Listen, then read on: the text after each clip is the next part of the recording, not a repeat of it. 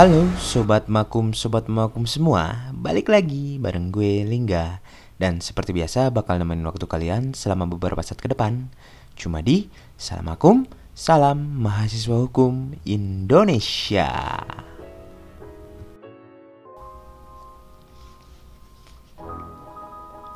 Sobat Makum, Sobat Mamakum semua Bahasan edisi podcast kali ini bakalan membahas mengenai legal audit. Nah, dan bahasan kali ini akan mengacu pada bukunya Dr. Stefanus Laksanto Utomo dan Leni Nadriana yang berjudul Pemeriksaan dari Segi Hukum atau Due Diligence. Ada beberapa pengertian tentang proses pemeriksaan dari segi hukum atau legal audit yang secara umum dipahami bahwa legal audit adalah sebuah mekanisme dari suatu verifikasi yang kompleks terhadap keberadaan suatu subjek hukum berikut aktivitas-aktivitas yang dilakukannya dari sudut pandang hukum yang dilakukan secara objektif dan sistematis berdasarkan sistem hukum nasional yang berlaku. Mengacu kepada pengertian legal audit tersebut, karena hasil laporan pemeriksaan hukum tersebut akan berwujud sebagai suatu pernyataan hukum profesional, dapat dikatakan bahwa selayaknya legal audit hanya dapat dilakukan oleh pihak yang memiliki keahlian di bidang hukum yang terkait validitasnya berdasarkan etika profesional sebagai suatu profesi. Adapun prinsip-prinsip legal audit sebagai suatu catatan paling tidak legal audit memiliki beberapa prinsip utama yaitu satu kerelaan yaitu bahwa subjek hukum yang akan diperiksa harus secara sukarela membuka diri untuk pemeriksaan. Kedua, keterbukaan yaitu bahwa subjek hukum yang akan diperiksa harus membuka diri seluas-luasnya agar pemeriksaan dapat melakukan pekerjaannya dengan baik. Ketiga, kerahasiaan yaitu bahwa hasil pemeriksaan merupakan kerahasiaan yang hanya akan diketahui oleh pihak pemeriksa dan pihak yang diperiksa sampai pada saat ada kewajiban atau kebutuhan untuk membuka informasi tersebut. Dan yang keempat, tanggung jawab yaitu bahwa pihak yang diperiksa bertanggung jawab penuh terhadap hasil legal audit. Bahwa dalam menyusun legal opinion, prinsip-prinsip yang dipegang dalam pembuatannya sebagai berikut. A. Legal opinion dibuat berdasarkan pada hukum Indonesia. B. Legal opinion disampaikan secara lugas, jelas, dan tegas dengan tata bahasa yang benar dan sistematis. Legal opinion harus mudah dipahami oleh klien atau bagi pihak yang membacanya karena disa disampaikan dengan bahasa yang baik dan sistematis serta tegas maka legal opinion tersebut tidak menimbulkan tafsiran berganda atau bias dan diharapkan melalui legal opinion tersebut terciptalah suatu kepastian hukum. C. Legal opinion tidak memberikan jaminan terjadinya suatu keadaan. Legal opinion tidak boleh memberikan jaminan atau kepastian akan kondisi suatu penyelesaian persoalan dalam praktek. Dan D.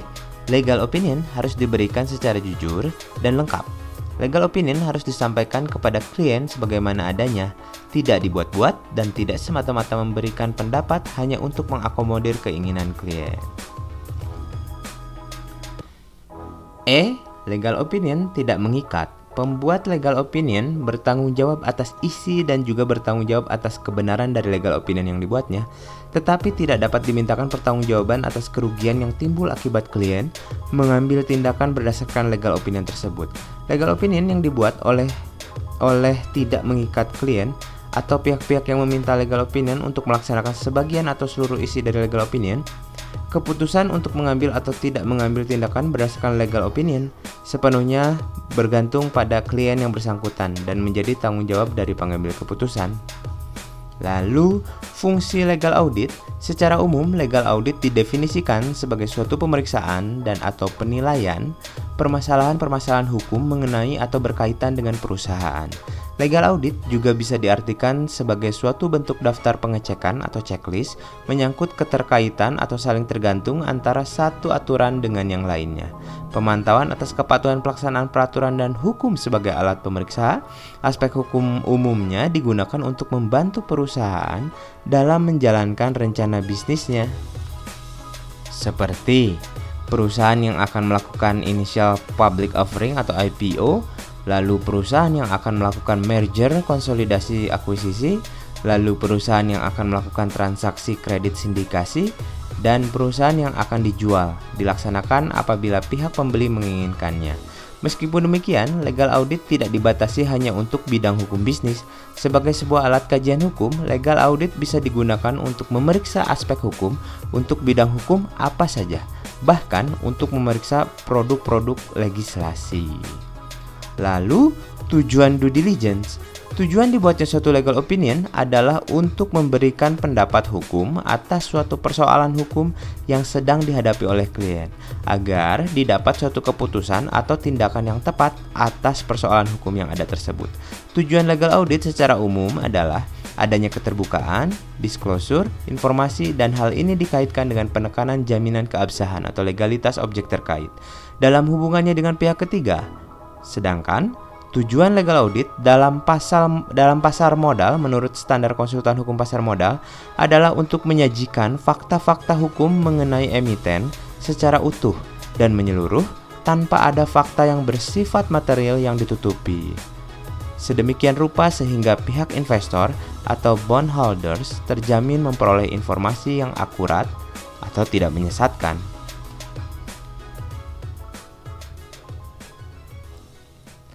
Nah, sobat makum, sobat pemakum semua, itu dia bahasan seputar legal audit, legal opinion atau due diligence. Mudah-mudahan bahasan podcast kali ini bisa menambah manfaat buat kita semua ya, khususnya dari segi wawasan. Dan pastinya untuk yang sudah mengetahui tentunya menjadi pengingat dan yang belum tahu bisa menjadi value bagi wawasan itu sendiri ya. Dan akhirnya gue harus pamit di edisi podcast kali ini. Sampai jumpa di edisi podcast berikutnya ya. Terus dengerin podcast Salam Akum Indonesia ini ya. Dan gue Lingga pamit dari edisi podcast kali ini. Sampai jumpa di edisi podcast berikutnya. Cuma di Salam Akum, Salam Mahasiswa Hukum Indonesia.